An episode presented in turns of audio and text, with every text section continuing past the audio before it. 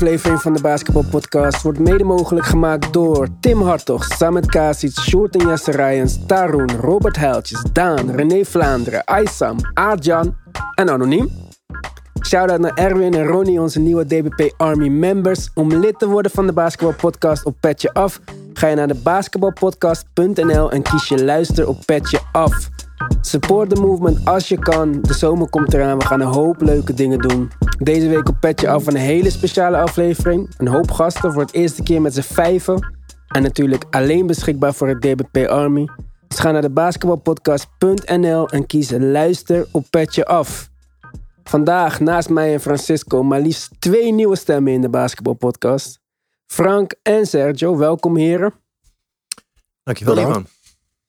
Ja, dit is eh, eventjes geleden dat we zoveel vers bloed hebben gehad. Dus eh, om de mensen een beetje kennis te laten maken met jullie mening, eventjes een eh, introductievraag. Begin ik bij jou, Sergio. Want er staan dit jaar twee teams in de finale die we daar misschien niet verwacht hadden aan het begin van het jaar. Maar welke van die twee teams heeft jou nou het meest verbaasd? Ehm, Phoenix Suns. Ehm, ja, ik, ik zag tegen wie ze moesten. Eh, ze moesten tegen LA Lakers en ik- dat is mijn favoriet. En eh, ik dacht, nou, die gaan ze niet passeren. Oké. Maar toch gelukt. Ik had Phoenix hoger ingeschat dit jaar dan de Bucks misschien. Ik dacht de Bucks gaan nooit langs de Nets komen. Maar ja, die injuries. Frank, eh, vraag voor jou. Jij bent eh, de meest ervaren basketbalverslaggever in Nederland zo'n beetje.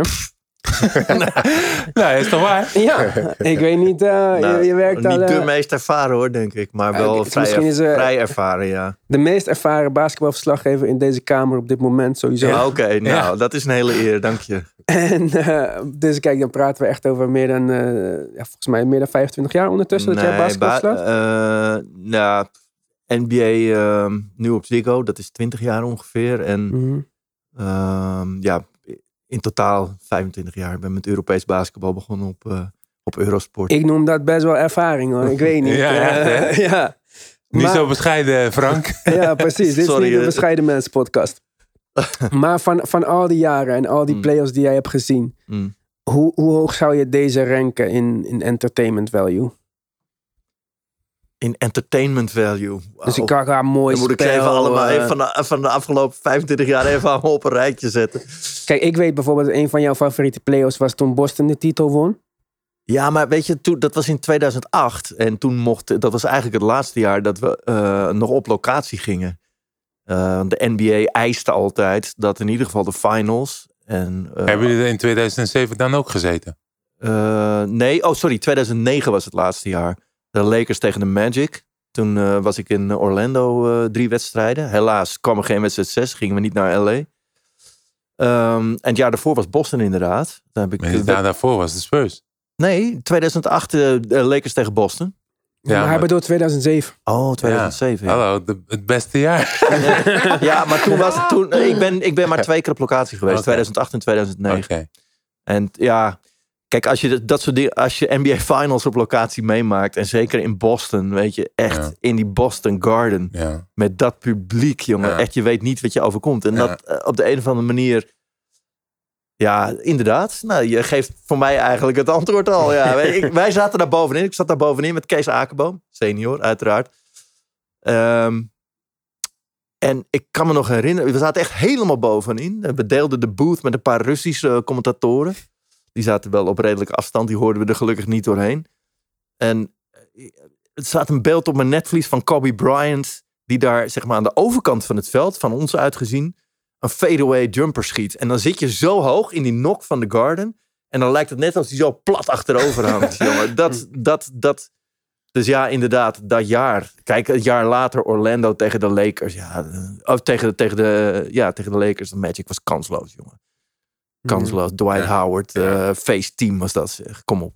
Ja. Ja, nee, maar het is 2008. eh, Maar deze playoffs dan, zijn ze een beetje ergens in de top 10 van jouw eh, all-time playoffs die jij hebt meegemaakt? Of, ja, dat, pff, dat vind, vind ik moeilijk. eh. ik leef altijd een beetje in het heden, het verleden. Dat, eh, dus dit is gewoon de leukste playoffs? Nou, oh, de playoffs in het geheel? Of Ja, je hebt het niet specifiek over de nee, finals? gewoon de playoffs. Het is best wel een unieke samenloop van omstandigheden wat we hebben gezien. Veel injuries. Ja. Maar dat is toch niet uniek? ja, in die zin is het niet nou, leuk nee, met veel alle injuries. super- top 5 teams er misschien uit zijn. eh. Ja, maar dat is toch niet leuk? Nee, maar daarom vraag ik van hoe Nou, het, het dan alsnog? ik- ik- misschien is het, zijn het niet de meest leuke playoffs, eh maar wel de meest, misschien wel de meest verrassende. Daar, daar zit het zeker heel hoog eh, in, in verrassing. Maar dat komt inderdaad ook door al die, eh, al die eh, blessures. Ja, hoop verrassingen zeker. Voor mij verrassend dat de Bucks gisteravond hebben gewonnen. Voor jou verrassend? Ja, ik dacht bijna dat er een 4-0 sweep aan zat te komen. Ja, maar als het 2-0 staat, moet je niet meteen, meteen in paniek raken. Nee, maar het was de manier hoe ze speelden. En eh, Francisco zei het al vorige, vorige week. Waarom gaan de Bucks niet eh zo'n eh, spelen? Nou, dat doen ze gisteravond. En eh, ja, Gewoon naar mij luisteren. Ja, Ja, jeetje ja, mina, man. mensen kunnen dat niet zien, hè? Maar Nee. zoals hij daar nu even bij zit, hè? Ja. Francisco Elson. Zit het eh, niet Zidane hier? trots op zichzelf. Het was wel heftig hoor. Devin Booker eh, snapte het even niet meer wat hij wat hij moest doen. Ja, het is, het is... Kijk, tuurlijk, ik zeg, ik gooi het ook zomaar hoor. Maar Bud, Bud is wel degene die bij de Spurs een bepaald systeem samen met Popovic hebben bedacht. Hè? En, en die heeft, die leidde meestal de trainingen bij de Spurs. Dus hij heeft wel wat in gedachten, maar volgens mij is hij zo rel- relaxed geworden, omdat hij meer echt een player-coach wil zijn. En je ziet dat bij Janus, dat hij gewoon doet wat hij wil. En Heel veel spelers dat. En Bun, Bunholzer is niet de type persoon die dan gaat schreeuwen of, weet je, eh, boos gaat lopen doen aan de zijlijn. Van, hé, je moet dit spelletje lopen of dit loopt niet goed of dat loopt niet goed. En je ziet dat Janus dus eigenlijk doet wat hij wil. Want hij brengt de bal op. eh, er worden geen spelletjes geroepen. Hij gaat één tegen één. En als Holiday de bal weggooit of balverlies of een turnover maakt, gebeurt er ook niks. En eh, als Middleton dat doet, dan zit hij ook gewoon aan, aan de zijkant. En hij laat het gewoon over zich heen komen. En eigenlijk laat hij die spelers, omdat ze volwassen zijn, gewoon laten spelen. En dat vind ik wel een beetje jammer. Terwijl hij zoveel kennis heeft en zoveel ehm, meer kan dan, dan die laat zien. Want als jij de Atlanta Hawks naar de Eastern Conference finale kan leiden. En de Milwaukee Bucks twee jaar op rij. Ja, dan, dan moet je wel wat kunnen. Hè? Maar Monty Williams is ook een hele rustige coach. Ook inderdaad. Maar, die hij pakt het toch anders aan. Ja, hij, hij heeft wel ook een, echt een floor general hè, in Chris Paul. Die ook de lijnen uitzet. Coach op de vloer, ja. coach op de vloer is. En die ook in een bepaald systeem wilt spelen. En hij kan niet de, de run and gun spelen. Dat, dat, hij dribbelt ook heel veel. Dat heb je ook gezien bij, bij, bij de LA Clippers. Dat hij daar speelde. Dat, dat, dat hij heel irritant werd met spelers. Omdat die, die spelers die, die willen gewoon rennen en vliegen. En Chris Paul zorgt ervoor dat er een bepaalde tempo in komt. En we lopen nu dit en we lopen nu dat. Dus bij Phoenix werkt het. Omdat er jonge spelers rondlopen. En die coach dat ook wil. Eh, dus vandaar dat het daar werkt. Ja, Chris Paul ook echt een beetje het verlengstuk van de coach. Hij heeft ook zelf gevraagd om deze trade. Hij wou per se naar Phoenix. Hij heeft, kent Monty Williams natuurlijk van de eh, Hornets. Eh, gisteravond heeft hij gedaan wat hij moest doen. Had volgens mij, wat, hoeveel punten? Boven de 20 in ieder geval. eh, Ja, maakt specifieke punten. Maakt niet uit. Hij speelde een goede wedstrijd. Over wie hebben we het? Chris, Chris Paul. Paul. 19 punten, 9 assists. Oeh, 19.9 assist. Ja. Oké, eh, iets minder dan wat hij eerder heeft laten zien, maar nog steeds een goede wedstrijd van hem. Eh, Cam Johnson met een eh, extreme highlight. eh, Bijna het einde van PJ Tucker's carrière. Ja, die was, wel nice. Ik had, ik had charge gefloten.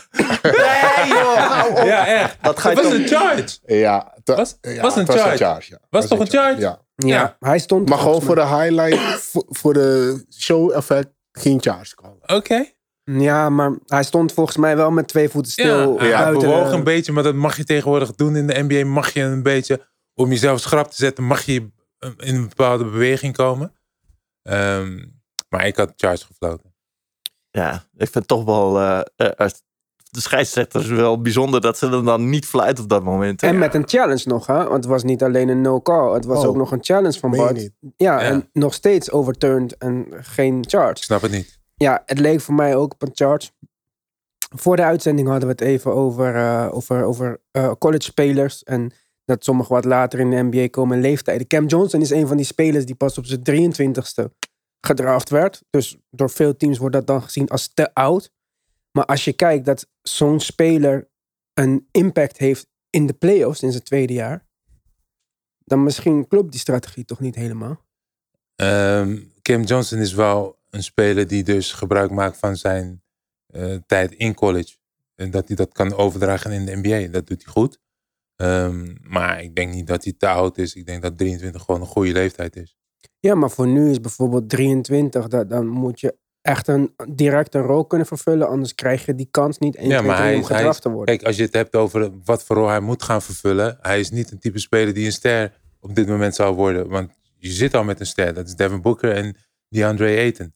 Ja. Dus mocht je nog echt een superster erbij willen hebben. nou, Dat gaat hem niet lukken. In deze periode niet. Tenzij Chris Paul stopt en hij echt een rol gaat vervullen die zij nodig hebben. Maar vanaf nu is zijn rol van de bank. Een sparkplug. En hij komt erin, hij maakt zijn schoten en daar, daar kunnen ze op vertrouwen. Maar ik zie hem niet als een, een, een, een superster of een megaster. Maar zie jij hem als een toekomstige starter? Ehm, Is dat zijn, kan hij dat? Ik zie hem niet als een goede verdediger. Hij kan redelijk verdedigen, maar hij is nog geen fysieke, stoere verdediger. Dus ik denk dat die rol die hij nu heeft, om een aantal schoten, hij is, hij is een all-around type speler, denk ik. Die een beetje kan schieten, kan snijden. Maar ja, maar ja dat is, dat is, dat is wat, hoe ik hem nu zie. Hè. En wie weet heeft hij hiervan geproefd en zegt hij van, weet je wat, ik ga nu echt veel tijd stoppen in het ontwikkelen van mezelf. Ja, En dan, dan kan hij ineens opstaan om een hele leuke speler te worden. Maar dat, is- dat, dat is dus het voordeel ook bij Phoenix, Phoenix. Dat je heel veel van die jongens hebben die nu gewoon hun kansen pakken om zichzelf te bewijzen. En ik denk dat daarom ze in de positie zijn om te winnen. ja. Ja, maar, maar je moet het ook zo zien, hè. Ze draaien echt een voortreffelijk seizoen. Niemand had dit gedacht. Niemand had dit verwacht. Nee. Tweede plek. Eh, eerste helft seizoen was nog niet zo best hoor. Eh, Ik had het toch- Booker en, en Chris Paul moesten hun plek vinden. Plek moesten, vinden. moesten leren samenspelen. Oké. ik had ze bovenste helft gezet voor het seizoen begon. Ja, ik had ze nog ineens een kans gegeven. Nee, ik had ze dus top 4 gegokt. Want waarom niet? Omdat DeAndre Ayton wisselvallig speelt. eh, De, de laatste Speelde. paar jaar speelde. Weet je. Ook ineens, Ineens ineens valt staat het allemaal samen. hè? Snap je? Ja. Dus waarschijnlijk is er zo'n goed gesprek geweest met die spelers. Devin Booker, we wisten dat hij wat kon. En, ehm, maar dat het nu zo uitpakt. Hè? Hij is wat stoerder geworden. Hij praat tegen spelers. Hij heeft een grote mond. En, dus hij doet beter zijn best hij doet beter zijn Ja. best. Dus Monty Williams is echt daar, daar degene die met Chris Paul ehm, de lijnen uitzet. En die spelers volgen. Hmm. Dus ze hebben, ze hebben het besef. En daarom, wat jij net zegt, hè, Sergio, is dat die spelers vanwege de tweede helft van het seizoen, en dat, dat trekt hem door naar, hè, dat trekt zich door naar de playoffs. Dat ze meer zelfvertrouwen hebben gekregen door middel van Chris Paul. Het seizoen gaat goed, schoten die ze nemen vallen. Hè? Dus dat, dat heeft ook een sneeuwbaleffect gekregen. Ja, je noemde net eh die André Ayton. Voor mij echt fantastische playoffs gespeeld. Eigenlijk tot gisteravond nooit in foul trouble gekomen. Voor een center zo jong. Ja, bijna unieke situatie. Als je kijkt, bijvoorbeeld Mitchell Robinson van de Knicks. Die hebben nog geen playoff wedstrijd gespeeld. En die is volgens mij fouled out 79 van de 82 wedstrijden per seizoen. en die André Ayton stond er elke wedstrijd weer. Alleen gisteren brachten ze hem in de problemen. En volgens mij was dat een bewuste eh, ehm, strategie van Boedenholzer. Je zag dat Lopez hem gewoon wat vaker opzocht. En hij had vier fouten vrij vroeg in de wedstrijd. En het was minder eten time. En dan zag je wel dat met een blessure bij Dario Saric er nog weinig overblijft voor de Suns. Waar wij nog eerder over zeiden, diepere bank dan Milwaukee. Maar je ziet wel dat met de Frank Kaminsky of zo komen we een beetje in de problemen. Ja, ik had het meer over dan de guards. Hè. Bij Phoenix heb je meer guards dan bij Milwaukee die Ja, echt een impact kunnen maken. Iedereen was goed. Kijk, ze hadden echt eigenlijk op elke, op elke positie de perfecte backup. Je hebt Campaign die microwave beetje van de bank komt. Tory Craig die die wings kan vervangen. Die speelt niet. Ja, Die hij is geblesseerd. heeft Ja, ja, 15 maar- minuten gespeeld. Oh ja. Ik bedoel, ze, die hadden ze allemaal. Maar dan zie je toch dat met, met Saric, die niet eens zo nadrukkelijk was in deze serie, dat dit wel een issue kan zijn. Ik ben ook heel benieuwd of, of Boedenholzer in de volgende wedstrijd weer gelijk naar Lopez gaat om, om eten in de problemen te brengen. Maar toen ik, toen ik in de NBA speelde, was Brook Lopez wel een post speler. Hè? En hij Ja. gaf je... want Mensen zien niet hoe groot hij is. Hij is Die gast gigantisch. is huge. Ja. Je? En voor je het weet, hij zet hem echt op je kop. En hij, het- hij, hij ziet er heel log en lomp uit, maar Hij, hij stond guards te verdedigen. ja, en weet je, en, en dat, dat, dat is wel. Ik zou vaker naar hem gaan, omdat je hebt alleen maar DeAndre Ayton. Zorg ervoor dat hij in foutenproblemen Ja. komt. Want als je hem laat staan, dan heeft Chris Paul gewoon een optie. Hè, Chris Paul is goed, hij zet goede harde screens. Die DeAndre Ayton, hij rolt goed af en hij kan vangen, heeft goede handen. En als hij zijn tijd neemt, heeft hij ook nog een move op de blok. Ja. Dus, maar ik zou zorgen dat hij in de foutenproblemen komt. Maar ik denk juist dat ehm, hij, eh, Lopez juist meer ruimte geeft aan, aan een Giannis voor zijn, voor zijn drives. En waardoor hij ja, daarom juist niet daar gaat staan. Want ja, Giannis wil drijven, eh, Middleton wil schieten. En hoe die andere weer? Eh, Holiday. Drew Holiday wil ook drijven. Dus er blijft dan voor mijn gevoel heel weinig ruimte voor hem ook nog, om ook nog op te posten. Nee, maar dat is als je, als je zo lang in de NBA hebt gespeeld. Hè, en je hebt een coach die van een goed stal komt hè, bij de Spurs. Dan weet je wat spacing betekent. En dat moet je dan weer overbrengen. Maar tegenwoordig is de NBA veranderd, hè? Of niet? NBA wordt gespeeld. De enige die echt dat speelt is Utah. Met spacing op de juiste plek. De spelers op de juiste plek. En Phoenix. Maar als je van zo'n goed stal komt zoals bij de Spurs. Dan weet je wat spacing betekent. Dan moet je dat kunnen overdragen. Ja, Maar tegenwoordig speelt iedereen vrij en blij. Eh, Maar dat gebeurt dus niet als ik jou goed beluister. Boedenholzer kan de spacing niet overbrengen bij de Milwaukee Bucks. Niet, omdat, omdat Janus dat waarschijnlijk niet begrijpt. Want wat is Janus rol? Hij rolt of niet helemaal naar de ring. Hetzelfde geldt voor ehm, Lopez. Die rolt ook soms half af. Terwijl als je een pick-and-roll speelt, dan moet je hard naar de ring. Of als je een schutter bent, dan pick en pop. Mhm. Maar bij Janus, omdat hij meestal de bal opbrengt, weten, weten de spelers niet wat hij gaat doen. Hij wil gewoon één tegen één. Maar dat is het. Het lijkt heel vaak op improviseren. Inderdaad. En Ja. dan komen ze heel vaak En dat in moet het goed gaan. Als het goed gaat, nou ja, dan, dan krijg je dus wat er, eh, wat er eh, in wedstrijd 3 gebeurde. Alle- Alleen vond ik ze gisteren toch meer, wat meer ehm, balans. Eh, Het zag er beter uit. Het zag er, Waar staat Eh, die balans in volgens jou? ehm, hij speelde meer ehm pick-and-rolls. Eh, er kwam meer actie vanuit samenspel. In plaats van dat hij één tegen één ging. Dus daarom zag je ook dat hij, hij begon de wedstrijd ook met drie of vier assists. Snap je? En dat deed hij in het begin niet. En ondanks hij niet veel schiet, is hij toch heel balvast. Waardoor eigenlijk het spel vast blijft zitten wanneer Giannis de bal heeft. Ja, wel met 40 punten, 10 rebounds, twee wedstrijden achter elkaar. Dus Ja. alles, kijk, zijn eigen rol vervult hij in principe goed. Maar om het team erbij te betrekken, wat je toch als ster speler van een team zou moeten doen, dat maakt, maakt je in ieder geval voor mij die echte ster plus. Ja, Als dat- iedereen om je heen beter wordt. Tuurlijk. En prima dat je dat zegt. Hè. Kijk, ik heb het vaak over. Vaak met andere atleten heb ik het er ook over. Weet je, s- sommige atleten bellen mij of sturen me een DM en dan zeggen ze van hey Cisco man, zo ik krijg veel negatief, negativiteit eh, van, van, van mensen via de DM's of kritiek hè, van journalisten of voetballers, maakt niet uit wie. En dan zeg ik ja, maar wat is jouw rol? Ben jij de man in het team? En dan zeggen ze ja, ik ben wel de man. Dan zeg ik, oké. Maar lever jij dan ook als jij de man bent? Als jij dus de man bent in het team, dan moet je regelen. Dan moet jij ervoor zorgen dat jij levert. Dan moet jij ervoor zorgen dat you get it done. Snap je? You gotta get it done. En dan moet je met kritiek om kunnen gaan. Ah, en dat is weer de keerzijde van of de gewoon munt. van je af laten glijden. Of gewoon helemaal niet naar luisteren. Inderdaad. Dus als jij showboot wil gaan showboten met, met diamanten, met, met dure auto's, dan moet je ook weten van dat je kritiek gaat krijgen. Dat is de keerzijde van die munt. En dan moet je of je mond dicht houden en leveren, of weet je, dan wil ik niks horen over een minuut. eh, Ik ben moe, ik ben dit. Nee man, kijk naar LeBron James, hij levert. Kijk naar Steph Curry, hij levert. Ja, maar daarom wat je zegt, als, als, kijk, je kan alle diamanten en kettingen van de wereld dragen.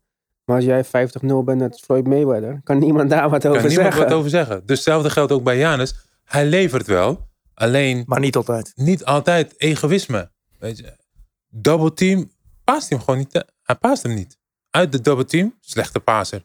Terwijl zijn spel is, als hij het goed begrijpt, en hij speelt al best wel lang in de NBA, kun, je kan hem niet stoppen als hij snel speelt.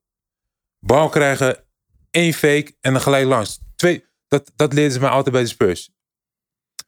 Je hebt 1,9 seconden de tijd. Bal krijgen, één keer kijken en gelijk gaan.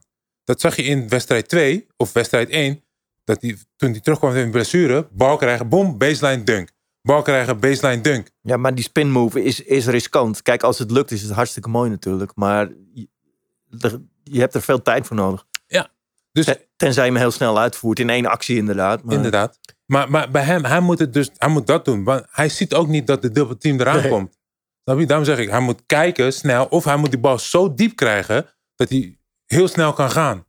Want die double komt en als hij dan die bal zo opbrengt, dan trekt ze hem gewoon uit zijn handen. Maar ik ben bang ook dat het dan niet meer komt. Want als jij met jouw, eh, jouw langste coach op dit moment is Boedeholzer. Een van de meest intelligente coaches in de NBA. Je speelt al zes jaar in de NBA, denk ik. En ja, en voor de rest, hij heeft alles ontwikkeld. Scoren, defense, la la la. Ik weet niet of dat nog ooit gaat komen. Dat hij dat gevoel IQ krijgt van oké. Ja, in, kijk, in theorie, als je kijkt naar zijn lichaam. En met een coach als. Zou je denken, zijn, zijn prototype is, is Tim Duncan. Als hij op de blok staat, Aha. dan is hij niet te stoppen. Maar Ja, maar luister, met wat voor spelers speelde Tim Duncan samen? Ja, maar... Francisco Francisco Elson. Elson. Intelligente speler! Intelligente speler! Nou, maar eh, het, zijn, het zijn wel twee verschillende mensen. Je moet, je moet ook kijken hoe, hoe, hoe, kal, hoe kalm Tim Duncan is of speelde. Ehm, en kijk hoe, hoe ik vind dat, ondanks je, wanneer hij snel gaat, hij speelt zo gehaast. Het lijkt hij, alsof hij druk in zijn hoofd is. Ja, hij speelt is- als Tasmanian Devil een ja, beetje. hij scoort wel 41 punten, maar het is... Het is En alles van binnen 5 feet. Ja. Alle 41 punten binnen 5 feet. Ja, en Ja. vrij worpen natuurlijk. Die het, is, ook het, vrij is, het is Ja. knap, maar... het- ja, Kijk, bij Janis is het verschil tussen Janis en Tim Duncan natuurlijk. Hè? Ja, Tim ja, Duncan niet is ze niet de meest snelle speler, maar hij is gewoon een hij, is, Een- na- is snel. hij, hij denkt gewoon goed na. Hij is een denker. Snap je? Hij krijgt de bal, hij weet precies wat zijn moves zijn. Janus is, iemand, is gewoon rauw, rauw talent. Ja, En dat ga je of ontwikkelen hè, naar een ander niveau of niet. En het blijft altijd dit. En ik- wat jij net aangeeft, ik denk dat Janus gewoon daar blijft. Weet je wat voor spelers Giannis eigenlijk nodig zou hebben naast zich? Chris Paul. Zou Ja. doen? nee. Maar die hadden, de, die hadden de Bucks kunnen halen. Chris Paul staat bij de Thunder. Het was eh, het slechtste contract in de NBA. ik, Maar zij hebben gekozen voor een holiday. ik denk niet dat het zou werken. Want, Nee? want, want Janus is eigenlijk zoals Blake Griffin. En Blake Griffin wil heel graag de bal hebben. Ja, daar heb je ook een punt, ja. En Janus denkt dat hij een powerpoint is. Bal opbrengen vanaf de top. Giannis zou gek worden van Chris Paul. Ja. Ja, Mm. want Janus kan niet, hij heeft, niks anders. Als hij de bal niet op kan brengen, dan Ja, maar goed. maar dan kom ik terug op wat Iwan zegt. Ja. Het gaat niet veranderen op deze ik denk manier. het ook niet. Kijk, en dan, dan, dan gaat hij zich maar dood irriteren aan een speler als Chris Paul. Maar dat is wel de manier om die echte superster te worden, denk ik. Ja, misschien later in zijn carrière. Kijk, hij is, hij is nog steeds onder de 30. Maar als hij tot zijn 32e zo verder speelt en hij ziet dat er niks gaat gebeuren. Dan misschien dat hij wordt- denkt op een gegeven moment van, oh fuck, laat me dan maar Of- met... eh, hij als- moet gewoon leren passen. Als hij 32 is, wordt hij langzamer, hè? Dus dan moet, dan moet hij wel. Dan, moet, dan, dan, dan waarschijnlijk gaat hij zijn schot ontwikkelen. Ja, Ja. ineens dan. eh, Ja. Ik weet niet, hij is wel fysiek gezien echt, echt een freak. LeBron James was dat ook. Nou, op zijn 36e komt hij er nog bijna mee weg. Eigenlijk dit jaar de eerste keer voor mij dat hij een beetje tegen de lamp aanliep. Dat dat heel hard naar rechts gaan niet meer echt werkte. Omdat hij niet meer de snelste is en, En zo. nu schiet hij. En nu leert hij, leert hij schieten. Want zijn schot is een van de lelijkste, denk ik, in de NBA. Met zijn hij maakt ze wel. Hij maakt ze. Ja, maar ja, hij is een van de beste spelers aller tijden. En LeBron, in tegenstelling Hij is tot... niet een van de beste spelers. Hij is een van de meest talentvolle spelers en all-around spelers. all-around speler. Nee, hij is all-around.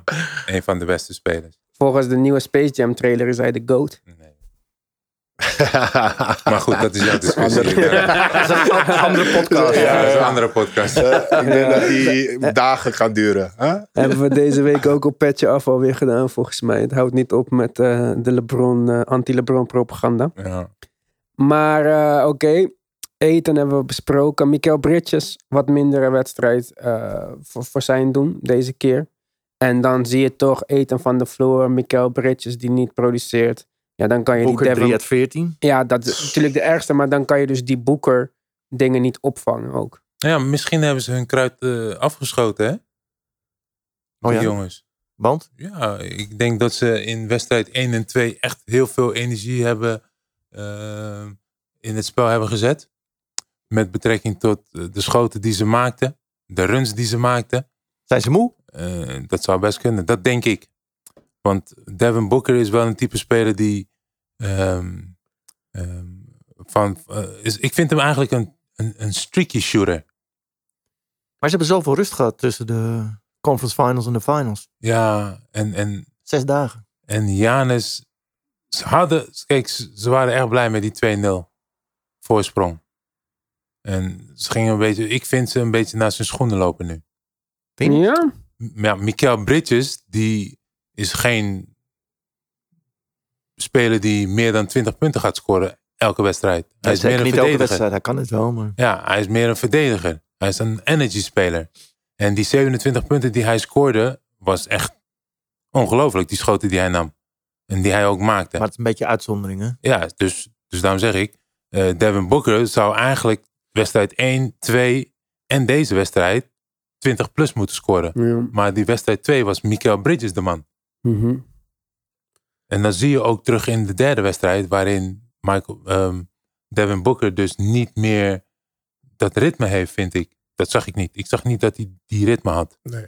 Ik vond dat hij aan het forceren was. Ja, Waardoor hij zichzelf nooit de kans heeft gegeven om in de wedstrijd te komen. en, en los van daarvan was de verdediging ook wel goed, hè? Ja, maar dat zei ik aan het begin. Die zone defense. Kijk, jij zei Devin Booker is tricky shooter. Misschien is tricky shooter. Maar normaal gesproken als de schot niet werkt. Dan gaat hij naar binnen. Speelt hij pick and roll. Hij doet iets. Hij is een heel creatieve, hele creatieve scorer. Ja. En eh, nu tegen die zone. Hij was, hij was echt een beetje in de war. Van, huh, ik, ik geef je elke keer een andere iets. Maar je, je staat daar weer. En ik denk dat dat is, iets is wat de Suns moeten oplossen voor de vierde wedstrijd. Want ja, als de Bucks zien dat iets werkt, ga ik ervan uit dat ze het volgende keer weer spelen. Weer lage minuten van Brook Lopez. Ja, maar als jij, als jij een topspeler bent zoals een Kobe Bryant of een Chris Paul en jij maakt een aanpassing en je blijft diezelfde aanpassing constant spelen, dan gaat die speler op den duur gaat hij dat snappen en dan gaat hij daar. Ja, maar denk je dat als Devin Booker in zo'n wedstrijd niet kan oplossen, denk je dan dat hij het gelijk in de vierde wedstrijd helemaal Ja, als kan jij de oplossen? vierde wedstrijd dat nog een keer gaat doen, ja, dan komt hij eens wel met de oplossing. Ja. Tuurlijk. Dan ben ik benieuwd. Gelijk. Ja, dat is, dat is met elke speler. Ik weet het niet. Zonder eten op het veld, als ze weer eten in foul trouble kunnen brengen. Ja, maar kijk, dan, dan, kijk, je speelt ook. Kijk, Phoenix Suns heeft gewoon gedaan wat ze moesten doen: twee thuiswedstrijden winnen. Hmm. En nu ligt het gewoon aan Milwaukee om datzelfde te doen. En, en, en we hebben gezien in wedstrijd 2 dat Janis helemaal gek werd. En door te zeggen van, hé jongens, kom op man. Wat meer energie. Mhm. Nou, hè, dat, heeft zijn, hè, dat heeft zijn vruchten wel afgeworpen in de derde wedstrijd. Ja, maar toch, als je gisteravond de betting odds keek, de Vegas eh, lines, was het keer 4,5 eh uitkering voor eh, de Bucks als ze wonnen. De Bucks waren echt eh, geen favoriet. Nou, ik zeg nog steeds dat de Bucks favoriet zijn. Ja, laten we even naar de voor, voor, voorspellingen kijken. Wat zeg jij eigenlijk, eh, Ik, ik, heb, ik heb al iets gezegd. Frank? Hij heeft uh, Suns in 7 Oh, gezegd. Suns in 7? Zoals in zeven. Waarom? Waarom? Ja, waarom denk nou, je dat? daarom. nee, ja, ik heb gewoon... eh, ik ga altijd een beetje op mijn gevoel af. En Ja. eh, voorafgaand aan die finals... eh, ehm, ik heb gewoon het betere gevoel bij Phoenix. Gewoon meer een team. En eh, ja, beter teambasketbal. We hebben nog een voorspelling van Geert Hamming ook. Oh joh, Bucks in 6. Bucks in 6? Zou Ja. best kunnen. Ik lees van jou, Sergio, even de andere voorspellingen op allemaal. Dan kan je zes, dan moeten ze dus nu drie wedstrijden op rij winnen. Ik heb het niet gezegd. Dat kan. Nee, oké. ja. Ja, Ja, Maar- natuurlijk, alles kan. Ik, ik lees even voor En wat... Ja. hebben het gedaan tegen Utah. 4-0. ja, ja. Ik lees even voor voor jou, Sergio, wat iedereen heeft gezegd. Dan kan je ondertussen nadenken wat jouw voorspelling wordt. We hebben een hoop Bucks mensen. Mark, Bucks in 7. Michiel Kramer, Bucks in 6. Mitchell, Bucks in 6. Worthy, Bucks, ik weet niet in hoeveel. Geert Aming, Bucks in 6. Mo, Bucks in 7. Cisco, Bucks in 7. Bucks, Bucks, Hakim, Bucks in 6. Bucks, Bucks, Bucks, Nee. Dan kom man. ik met eh Suns in 6. Nick, Suns in 6. Kijk. Frank, Suns in 7. En dan ben jij aan de beurt. zijn Bucks in vier. ah, ik, ik dacht echt, gisteren heb ik tot en met eh, tweede, derde kwart gekeken. Ik ging slapen, zei van, Box zou deze winnen. Maar ik ging met het gevoel dat Box, eh, Phoenix in vier zou winnen. Maar nu, ik denk vijf. Suns in vijf? Ja. Suns in vijf? Ja. Je hebt lef, man. Dat is wel de, de, de meest Bok- risky voorspelling tot nu toe. Ja. Box is klaar. Oké. Gewoon, ehm, ze, ze, ze kunnen niet samenspelen. Ze kunnen, wat ze in wedstrijd 3 gedaan hebben, kunnen ze niet in wedstrijd 4 nog een keer doen? Nee. Want? Omdat je ziet het in, in, in hun west, in, in game zie je al dat ze niet iets vast kunnen houden. Dan gaan ze niet naar een volgende wedstrijd en dat vasthouden. Maar weet je wie, weet je wie het doel is voor een big game? Wie? Drew? Thank you. Ja, ik dacht al dat je dat ging zeggen. Ja, Drew Holiday is doel voor een big game. Ja maar zie je, maar dan ben je afhankelijk van één persoon. Nee, helemaal niet. Want kijk, kijk in, tegen, tegen de Atlanta Hawks toen Giannis niet speelde, Ja, was Drew de man. ja. Weet je, dan is hij vrij om te spelen. maar wie speelt er? Giannis speelt Giannis er. speelt. En hij heeft deze wedstrijd heeft hij goed, één, goed verdedigd. Ja, Hij heeft Chris Paul echt, heeft, heeft Chris Paul, hij heeft het hem lastig gemaakt. Ja, maar goed. Maar ja maar eigenlijk Chris Paul heel had nog verdedigd. bijna een double-double. Ja, maar double-double. Maar ja, Hij moet meer dan een double-double hebben. Ja. En, maar, en één. Twee, Chris Middleton is also doel voor een big game. En die schoten die hij neemt zijn geen makkelijke schoten. Nee, zijn, daarom. Ze zijn moeilijke En ze schoten. spelen in Milwaukee. Eh, Dus Ja, ik denk, ik denk niet dat Phoenix in, in vijf... Maar ja, dat is jouw voorspelling. Maar denk jij nog steeds dat Bucks het gaan winnen allemaal? ja, ja. Je blijft bij jouw voorspelling. ja, ja, tuurlijk. Maar waarom denken we dan? Omdat... Dacht je dit ook naar game 2 nog steeds? Ja, ja, ja, zeker. Je bent echt niet eh, van je Nee, mening. we- eh, weet je waarom? Omdat, zoals ik eerder aangaf, zij moeten gewoon doen wat ze doen. En dat is twee wedstrijden thuis winnen. Dat heeft Phoenix goed gedaan. En in Milwaukee, met Giannis op volle toeren, die, het lijkt net alsof die niks, nergens last van heeft van zijn knieën. nee. best knap hoor. Ja, dat, dat is al heel knap. En ik Heeft denk dat hij nu wel beseft, met die back-to-back 40 punten, dat hij het besef heeft dat hij meer moet gaan doen. Oké. Eén. Twee, waarom? Nog meer? Ja, waarom? Nou, niet alleen op spelgebied, maar wat hij ook eerder aangaf, het spel erbij betrekken. Die spelers erbij betrekken. Dat heb je Mhm. gezien in die motivatie in de time-out. Dus hij begrijpt het wel. Alleen vind ik dat hij een st- een stapje er bovenop moet doen door sneller te gaan spelen. Hetzelfde geldt voor Drew Holiday. Sneller spelen. Chris Paul is 36 en die kan jou nooit bijhouden. En de Suns spelen ook sneller in de Bucks op dit moment. Yup. Snap je? En dat zou niet mogen. Vooral niet als je thuis speelt. Kijk, Drew Holiday en Middleton misten in game 2 heel veel makkelijke layups. Niet normaal. Ongelooflijk. Hmm. Hoeveel ze er misten samen. Ja. En ze zetten, kijk, natuurlijk, je kan systemen gaan bedenken van ze moeten dit, ze moeten dat. Ze moeten... Nee, ze moeten gewoon sneller gaan spelen. Meer intensiteit. Dat is het enige wat ze moeten doen. Ja, Want ze zijn veel, vele malen groter. Dat moet je nagaan. Hè? Er spelen vier geweldige verdedigers. Middleton, Giannis, PJ Tucker en Drew Holiday. Kom op man. Snap je? Het Maar enige wat ik je moet die bal nog steeds in, erin krijgen. Ja, hè? dat is geen probleem man. Oké. ja, je Als zegt... je, als je dat wegneemt bij Chris Paul en Devin Booker zoals ze dat hebben gedaan, hebben ze niemand. Kijk, Cameron Payne is leuk, maar Spark. is de bank. spark van de, van de bank. Als je, als je gemiddeld kijkt naar alle wedstrijden dat Suns nu heeft gespeeld, heeft Suns meer mensen die in de double digits zijn dan Milwaukee. Milwaukee. Prima. Prima. Wat, wat jou meer de kans geeft om te winnen. Ja. Zo kijk ik ernaar. En bij, bij, bij Box heb je nu dan twee keer, hij scoort dan 40, maar dan de rest doet niet mee. En, en ik denk dat verdedigen Suns daar heel slim is. Nou, score 50, score Ja. 60 zelf. Maar als de rest niet meedoet, Ja, maar dat kan niet in de NBA. Gaat bijna niet lukken. nee, maar Maar het is er wel twee keer gelukt al. hè? Kijk, kijk, het enige wat, wat, wat je zou zeggen, als je het echt over tactiek hebt. Ik ben geen fan van die, van die drop van Lopez.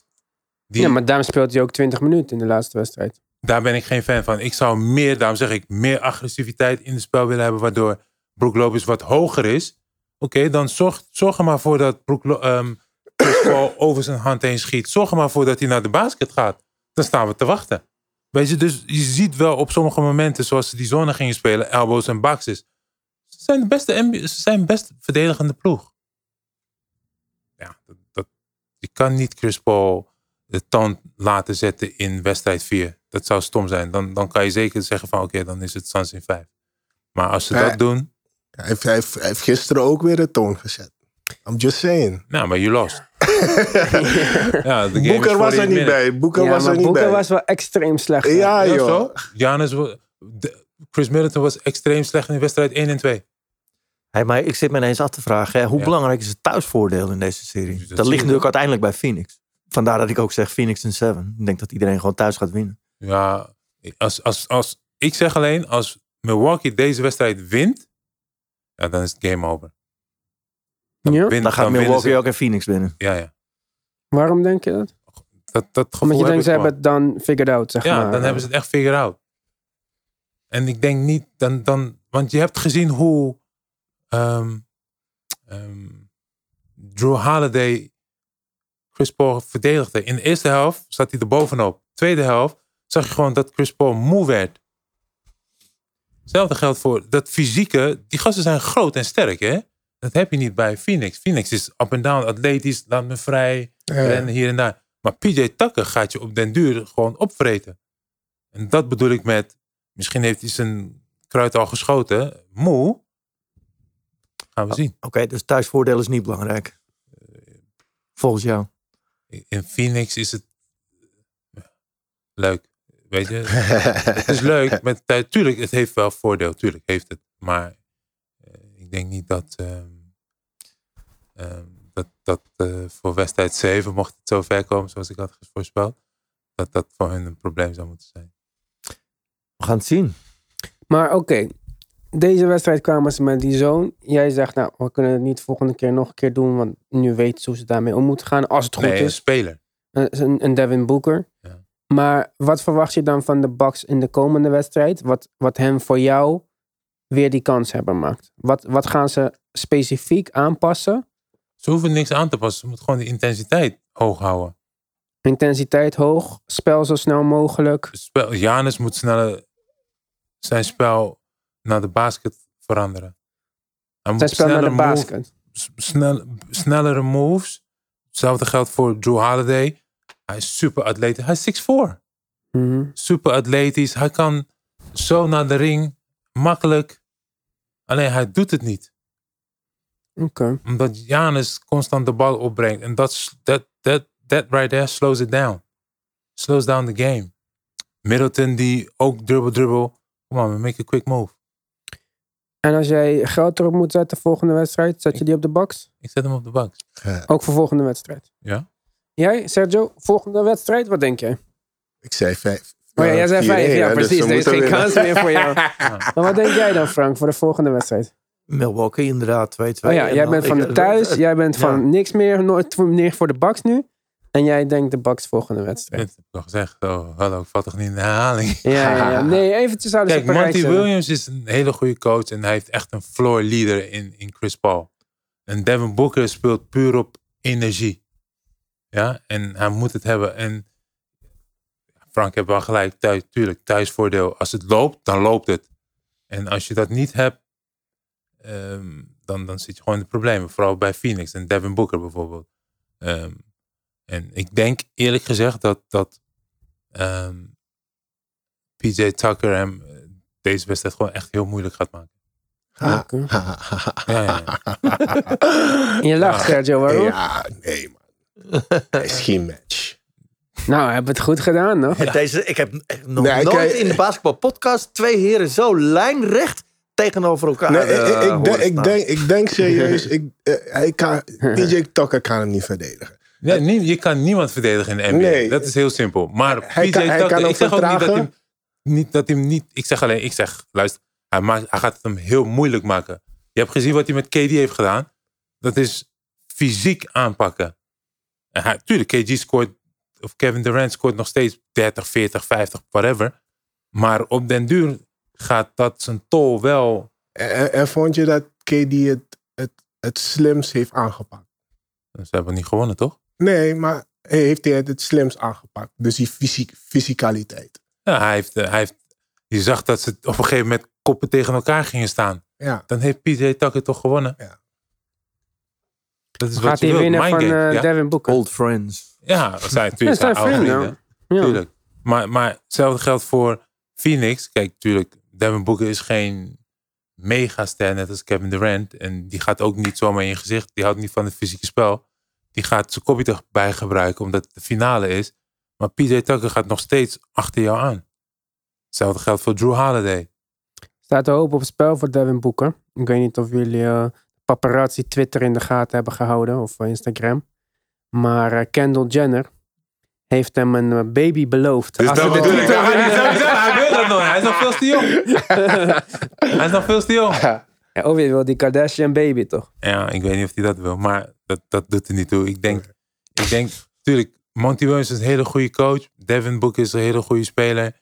En ze hebben echt een goed systeem waarin ze constant energie en wat het mooie ervan is bij Phoenix, elk schot die ze nemen, de tegenstander, dat Phoenix altijd aan het contesten is. Ja. Dat zie je altijd. Ja. Dat is prima. eens. Maar goed, we hebben nu een hoop, hoop gehad over wat de Suns allemaal niet goed deden. Oh, dat heb ik niet gezegd. Nee, maar eh, de hele, we hebben niet misschien nog, in ieder geval wij niet, jij wel, genoeg credit gegeven aan, eh, aan de Bucks. Bucks, ja. Eh Jannes komt met 40-10, twee wedstrijden achter elkaar. Laatste speler die dat deed was Shaq. In, in twe- 21 jaar geleden. Het de enige twee die dat ooit gedaan hebben. Ja, dus In de finals. dit is wel next level performance van Jannes. En nog steeds hebben wij drie aan deze kant van de kamer veel kritiek op hem.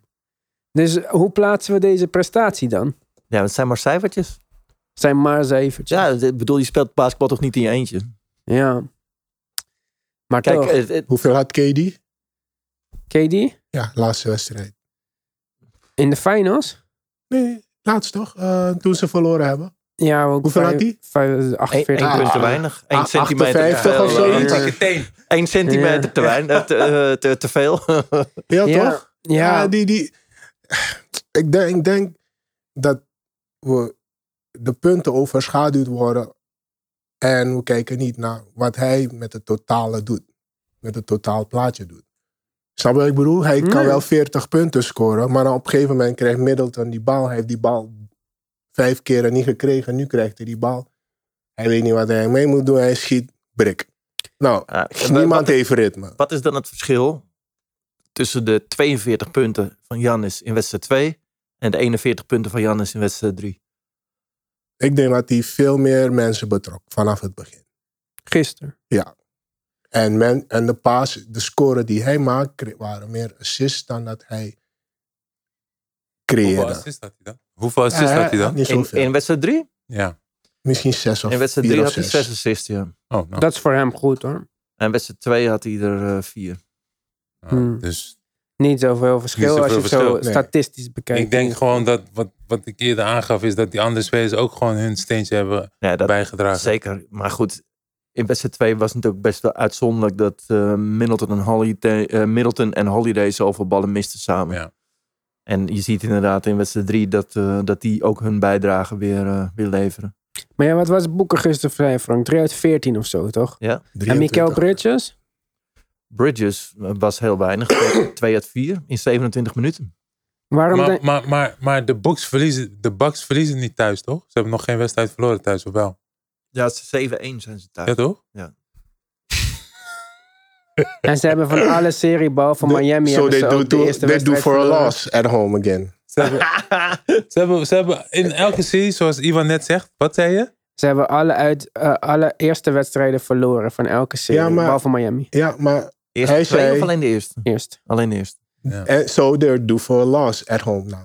Ja, kijk, ik denk, ik, ik denk Hoe zes? ze hebben één wedstrijd verloren, hè? Ja, dus statistisch gezien Ja. Nee, Gaan ze nu niet. verliezen? Nee, dat zeggen ze niet. En die, en die 25.000 staan buiten en niet binnen. Maar, maar ze staan er Binnen nog zijn het er maar 20 16. binnen. Zijn het er maar steeds- 16. Oh, dat is ook veel. 16.000 binnen, 25 Plus, plus zijn broer meerekenen, hè? Die telt voor Ja, die- 87. Die telt voor duizend. Uh, wie is. Daarnaast is. Ja, het is wel Zo. grappig als je dat ziet. Ik denk ook wat wel, dat het wel een, eh, ik weet niet of jullie erover mee kunnen praten, bijzondere ervaring is, weet je wel. Als je gewoon met je familie speelt. En in het geval van Thanasis ook de enige reden, denk ik, dat hij in de NBA speelt.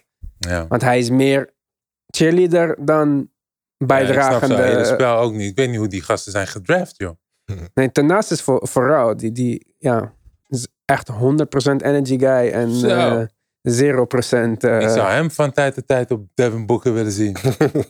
Nou, het, het klinkt misschien raar, maar zet hem erin voor een paar eh, verdedigende dingen. Hij, hij heeft extra, even, even rammen. Hè? ja, Ja. De ouderwets fouten pakken. Gewoon vijf fouten in vijf ja. minuten. Go. Huppakee. gewoon loslaten. Hij heeft spectaculaire bloks ook en zo. Hij is even atletisch als Jannes, hij is wat kleiner. Dus eh, misschien moeten ze hem echt eh, erin gooien om het een beetje te verstoren allemaal. Bijvoorbeeld gewoon een box in één spelen, joh. Ja, en dan hem. ah. Gewoon wild laten gaan. Ja, dat zou wel leuk zijn. Ja. Ja, ik ben heel erg benieuwd. Ik ben, kijk, eh, we hebben het allemaal gezegd nu. Middleton was de ene wedstrijd niet hot. Krijgt die een hotte wedstrijd? Ik denk dat het heel erg daarvan afhangt. Chris Paul gaat er wel staan. Giannis gaat, er wel staan. Maar wie van die rest wordt hot de volgende wedstrijd? Kijk, als Booker volgende wedstrijd hot is, dan denk ik dat de Suns winnen. Als Middleton of Holiday hot is, dan winnen de Bucks.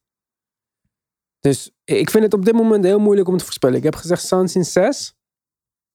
Maar ja, ik weet het echt niet meer. Ja, Frank zei het net ook al. Tuurlijk, eh, hoe belangrijk is thuisvoordeel? Tuurlijk, het is heel belangrijk, want het geeft je een gevo- goed gevoel. Je speelt voor je eigen publiek, daar, daar gaat het meestal om. Maar uitspelen, voor sommige spelers, eh, ik weet niet, Vooral roleplayers. roleplayers, kan, kan het soms heel moeilijk zijn. Maar Mm. we hebben gezien dat Drew Holiday of Middleton daar eigenlijk helemaal geen problemen mee moeten hebben. Want die hebben ook in Atlanta een gru- gruwelijke wedstrijd neergezet. En ik vind dat Devin Booker in dit stadium van zijn eh, vooruitgang ook daar geen moeite mee zou moeten hebben. Ja. Ik zit ook nog even naar de bank te kijken. Ja. Eh, Phoenix. Eh, noem een paar namen. Torrey Craig, Cameron Johnson, Cameron Payne. Ja. Milwaukee. Wie draagt echt bij? Bobby Portis, Pat Connaughton. Ja. En meer niet. Nee. En misschien Bryn Forbes.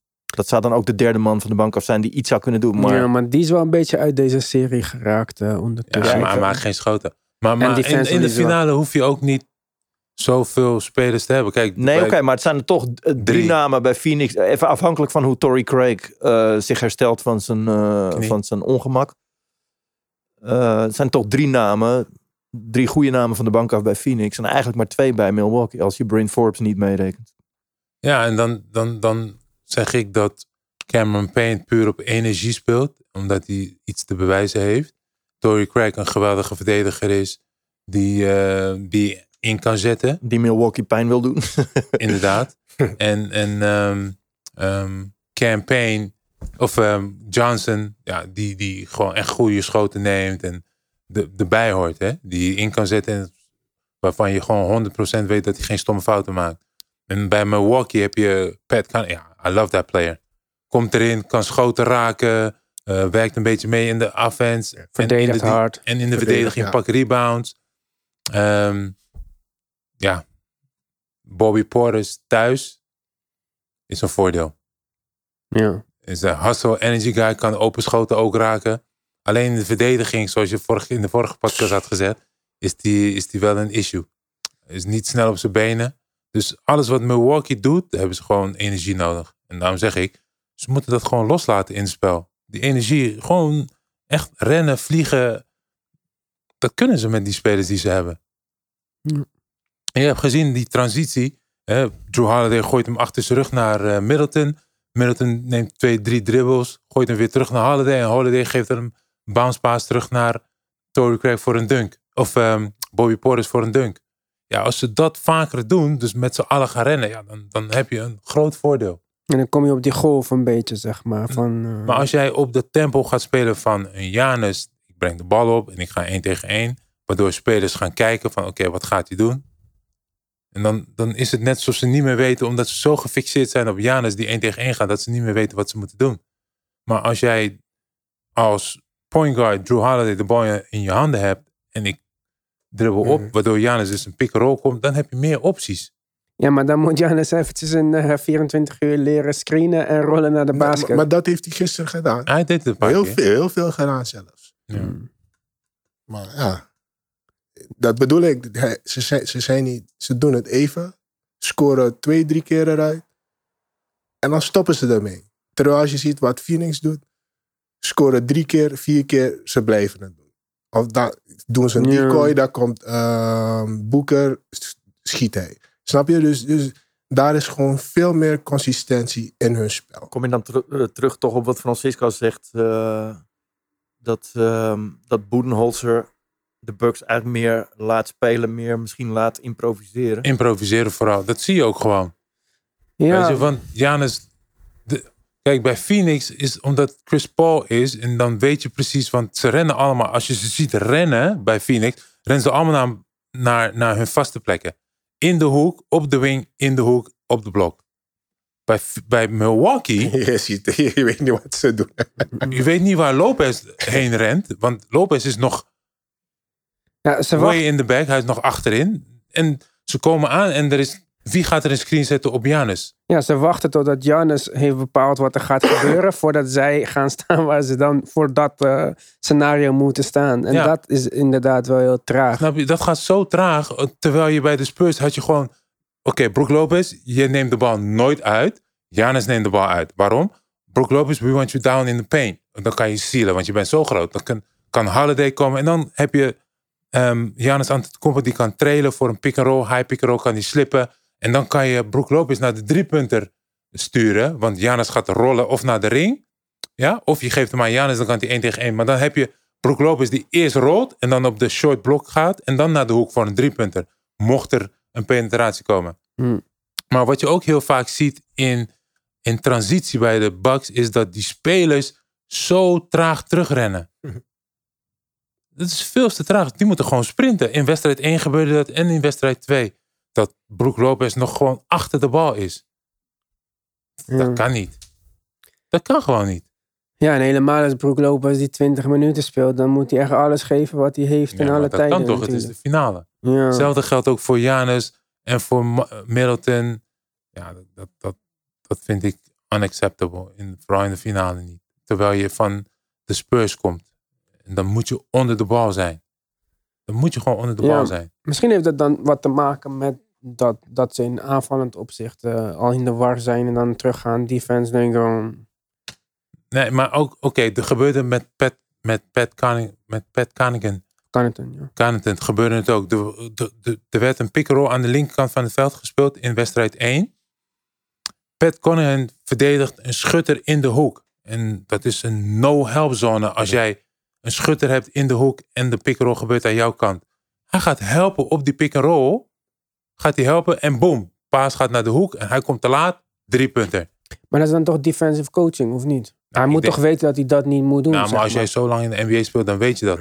dat is een scouting report, die moet je gewoon lezen. Never give a corner three on the same side of the pick and roll. Is gewoon een no-go. Maar waarom denk je dat hij dat dan nog heeft gedaan? Ja, soms is het kortsluiting in je hoofd. Denk je Ja. van, oh, ik moet even helpen. Maar dat is, dat is basketbal 101, man. Dat doe je gewoon niet. Nee. Doe je niet. Ja, wel raar dan. Want je Dus zegt de- voor zo'n goed gecoacht team dat er dat soort dingen nog gebeuren. Ja, ik weet, ik, daarom zeg ik, ik kan niet precies zien of Budenholzer dat ook in de Popovic-stijl wil doen. Snap je? Terwijl jij, als je naar Monty Williams kijkt, die heeft ook bij Popovic gezeten. Alles is strak. Heel strak. Heel strak. En bij Budenholzer is het, oké, ja, mis- misschien is dat altijd zijn stijl geweest. Om gewoon, zoals net Frank ook aangeeft, gewoon vrij spelen. Maar jij Improviseren. weet dat. Hoe was dat dan? Op de training met Boedenholzer. Ja, maar dat, Budenholzer leidde de training, maar Popovic wil je, Popovic wil je precies op die... Die staat op het videoschermpje te kijken, toch? Ja. Die Hè? Bovenin of zo? nee, die, Ergens, eh, ergens achter? nee, die heeft dan camera's in de gym. En dan... Popovic was er altijd, hè? Ja, je moest je shirt aantrekken, toch? Zo, Ja. eh, ja. Nee, maar Popovic deed altijd... Iedereen had een tijdslot. En daarin werd dan individuele training gehad, gedaan. En dan zat Popovic zeg maar achter in zijn dingetje, in zijn, Ja, in zijn eh, office. Maar dat was allemaal van glas, maar je kon niet naar binnen kijken. Hij kon, hij kon iedereen zien. Was met individuele training, Met- maar dit ging dan inderdaad even over groepstrainingen, toch? Ja. Ja. Dus jij denkt, toen was het gewoon, Boederos had niet die, die, die eh, Nee, vrije hand om te doen wat is hij... de hoofdcoach. Dus Popovic, de- op de driepuntlijn is er, een, is, er een, is er een eh, spijker. En hij liet jou gewoon zien dat jij daar moest staan. Om te spijkeren. Ja, ja, ja. Ja, ja, ja. hey? Ja. Ik ga, je je kan het terugzien. Er is een moment. Er was volgens mij 1,4 of 2,6 seconden over. En Pau Gasol heeft daar twee jaar gespeeld, toch? Twee of drie jaar. En Pau Gasol speelde redelijk goed bij de Spurs. Tot één moment. Er moest een pick-and-roll gespeeld worden met Pau Gasol. En Pau Gasol was laat. En dat spelletje liep niet. Wat deed Popovic? Die kwam helemaal op het veld. Hmm. En die gaf Pau Gasol de volle laag. En vanaf dat moment heeft Pau, Ga- Pau Gasol geen goed minuut meer gespeeld. En wat gebeurde? Hij belandt op de bank. Hmm. Of niet? Ja. Ah, je kan, ik kan, als ik, als ik de tape, ik weet niet meer tegen welk, welke wedstrijd het was. ik kan het ook herinneren. Ja. Maar hij heeft daarna niet meer gespeeld. Niet meer. Hm. Hij pakte geen rebounds. Popovic zag je. Je zag gewoon aan Popovic, als hij echt pist is, dan maakt hij gebaren. En dan zegt hij, fuck you.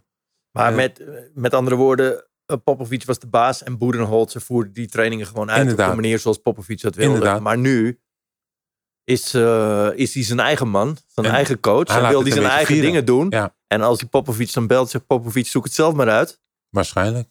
En terecht ook, lijkt mij. Ja, want, want, want die andere, andere coach die kwam ook van Popovic. En dat was eh, eh, Brad Brown. Die heeft toen jaren gecoacht bij Philadelphia. En die liet het ook maar vlieren. Snap je? Ja, in Dus de latere denk- seizoenen, niet in het begin. Hè? In de latere seizoenen. Ja, in het tuurlijk, begin, omdat- eerste jaar met Ben Simmons en Joel Embiid. Want En Reddick was allemaal spelletjes veel meer eh systeem, gecontroleerd. ja. Maar, maar bij Popovic heb je spelers die juist wel in een systeem moeten spelen. Omdat ze net niet zo talentvol zijn als een Ben Simmons of een, of een Joel Embiid eh, of een Devin Booker of een Giannis. Snap je? Die kunnen niet in een systeem spelen. Gaat gewoon niet werken. Hmm. Maar is het dan niet zo dat, ehm, wat je natuurlijk wel vaker ziet, dat eh één speler de baas is bij Milwaukee en niet de coach? Ja, maar denk je dat Giannis echt zo'n type speler is die, die zegt ik ben de baas en we luisteren niet? Ik denk het Nou, niet. dat zit ik me dan nu af te vragen. Nee. Ja, maar ik zie, ik, ik ben geen psycholoog en ik ken hem niet, maar ik zie hem niet als dat type speler, zeg maar. ik, ik, denk, ik denk dat, ik denk dat eh Budenholzer niet die autoritaire persoon is. Hij is soft-spoken. Hè? Je hoort zijn interviews, hij is gewoon heel relaxed. En, Oké, dus het is het niet zo dat Jannes de baas is, maar het is meer dat hij iedereen gewoon zijn... ja, Misschien moet je Hij is- tegen Giannis heel duidelijk zijn. Gewoon zeggen, jij daar nu baas in plaats van... ja, maar dat zeg ik, hij is niet zo autoritair. Ja, Nou, dat is misschien toch wel iets wat hij dan... eh nou, Misschien want dat- als hij, als hij goed speelt, eh, eh, spectaculair speelt, en als, als het allemaal klikt, nou, dan is hij fantastisch natuurlijk. Ik bedoel, Ja. het is een waanzinnige speler. Ja, Ik bedoel, laten we daar duidelijk over zijn. En vandaar ook Giannis' liefde voor Jason Kidd misschien. Hij praat nog steeds over Jason Kidd als een van zijn favoriete coaches. En Kidd is wel die guy die gewoon tegen hem zei...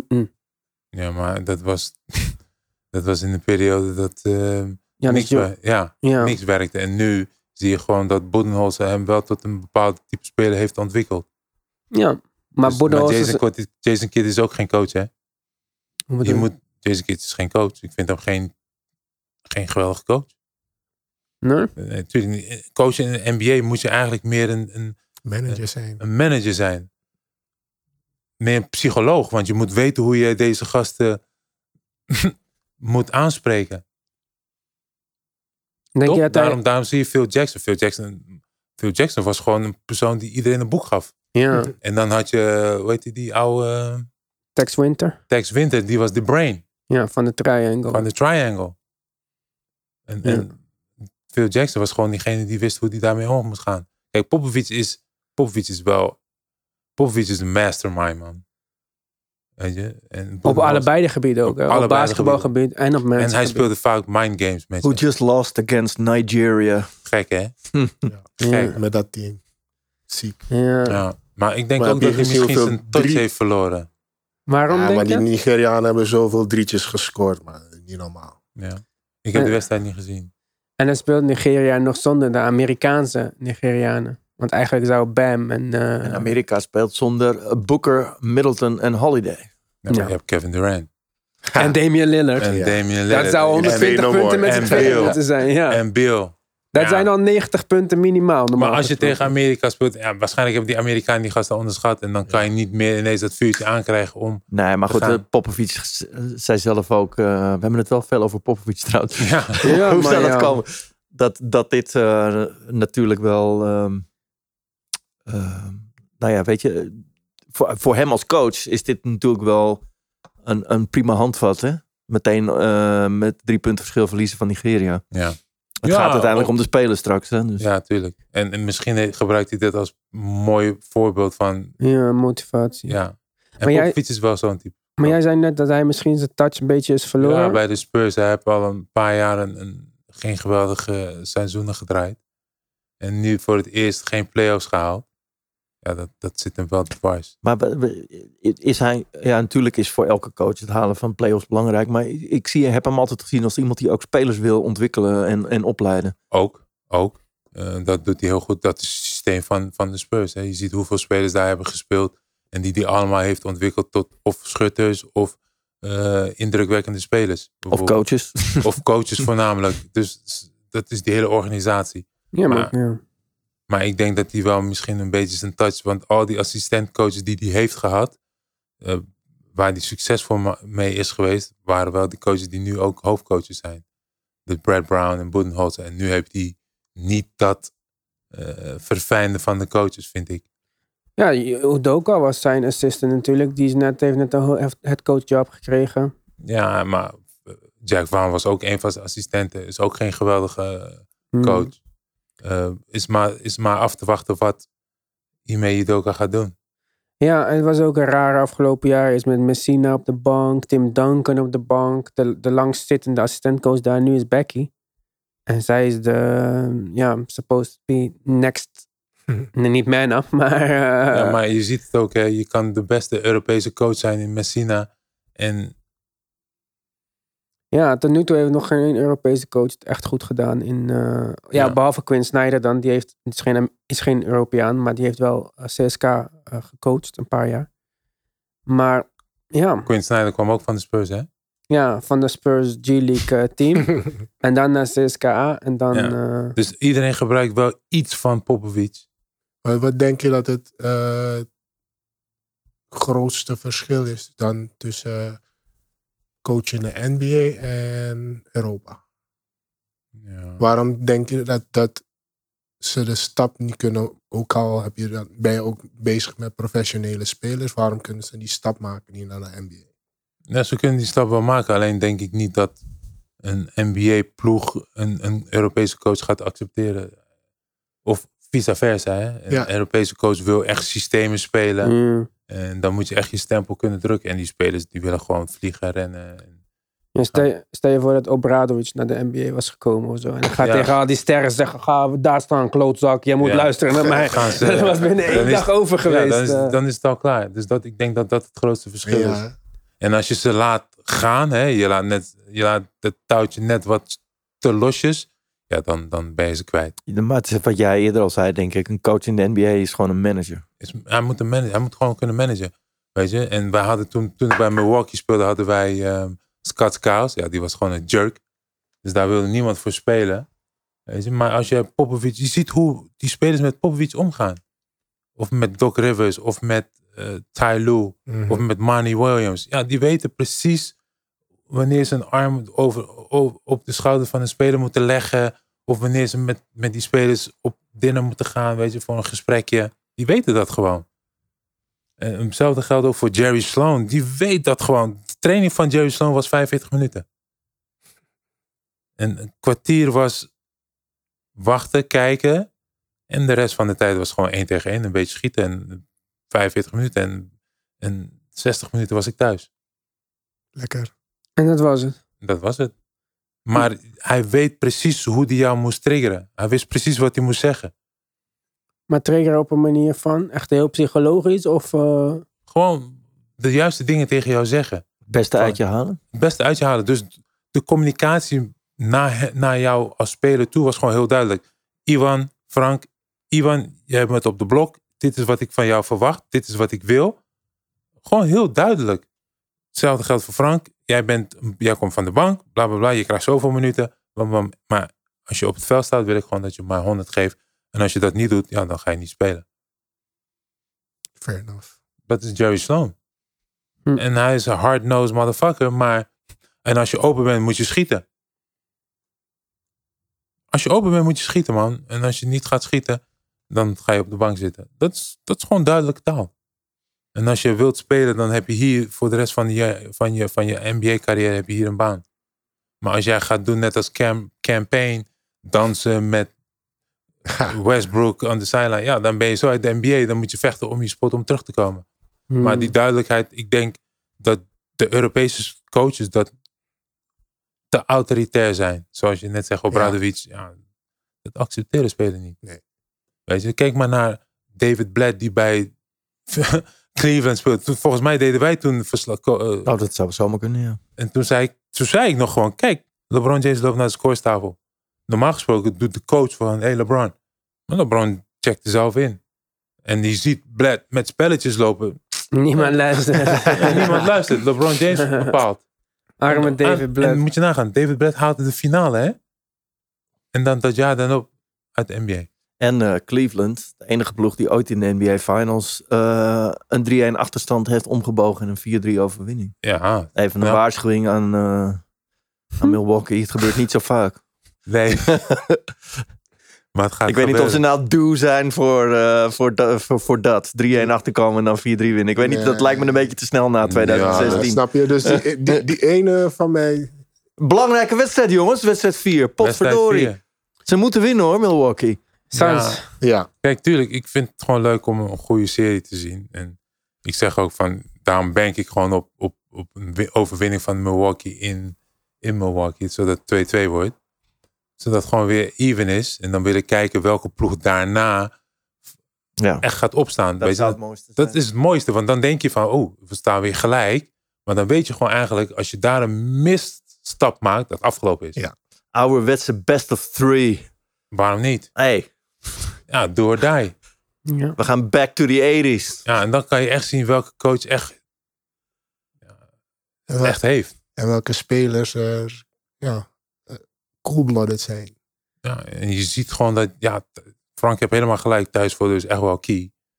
Maar ik denk dat Milwaukee met Janus erbij geeft hun wel wat extra vertrouwen. Hetzelfde gaat ook voor Chris Paul. Maar Chris Paul heeft deze wedstrijd die niet echt veel laten zien. Vond ik. Als jij de wedstrijd 2 of wedstrijd 1 en 2 zo goed hebt gespeeld, ja, dan vind ik. eh, Ja, vind maar als er een paar meer van die passes naar Mikael Bridges Ja, erin waren gegaan. keyword. Ja, ja, maar ik, ik bedoel, ik, ik snap het, maar ik denk ook dat het echt aan die roleplays was, en lag. En wat jij net zei, van dat de roleplays het meeste last hebben van on the road spelen. En dan als je daar ook nog bij bedenkt dat Mikael Bridges zo jonge eh, spelers zijn, dan twijfel ik wel een beetje aan die volgende wedstrijd. Weet je waar? Want, want kijk, jouw minuten is afhankelijk van hoe jij speelt hè, als je van de bank afkomt. Ja. Hè, Als jij doet wat hoort, dan krijg je meer minuten. Het is heel simpel. En als je van de bank afkomt, kan je, kan je weinig fouten Ja. maken. Net als, net als ehm, die schutter van Milwaukee, van de bank af. Eh Baines? Brain Forbes? Bra- Brain, Brain Brain- Forbes. Brain Forbes. Ja, als hij geen schoten raakt, komt hij er niet meer in. Hm. Maar als die één, drie punten of twee, krijgt hij wat meer minuten. Krijgt hij misschien twee minuutjes extra om nog een schot te raken. Als die twee, ah ja, dat hebben we gezien in die tegen Atlanta. Hij was hot, gek hot. Brain Forbes is nu in de finals over drie wedstrijden 3 uit 10. Hier, dat bedoel ik. Ook een expert player. Ja.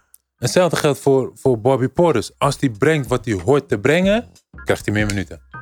Als die energie, als die energy, dat zijn alle spelers bij de Milwaukee Bucks. Alleen, ze doen het niet.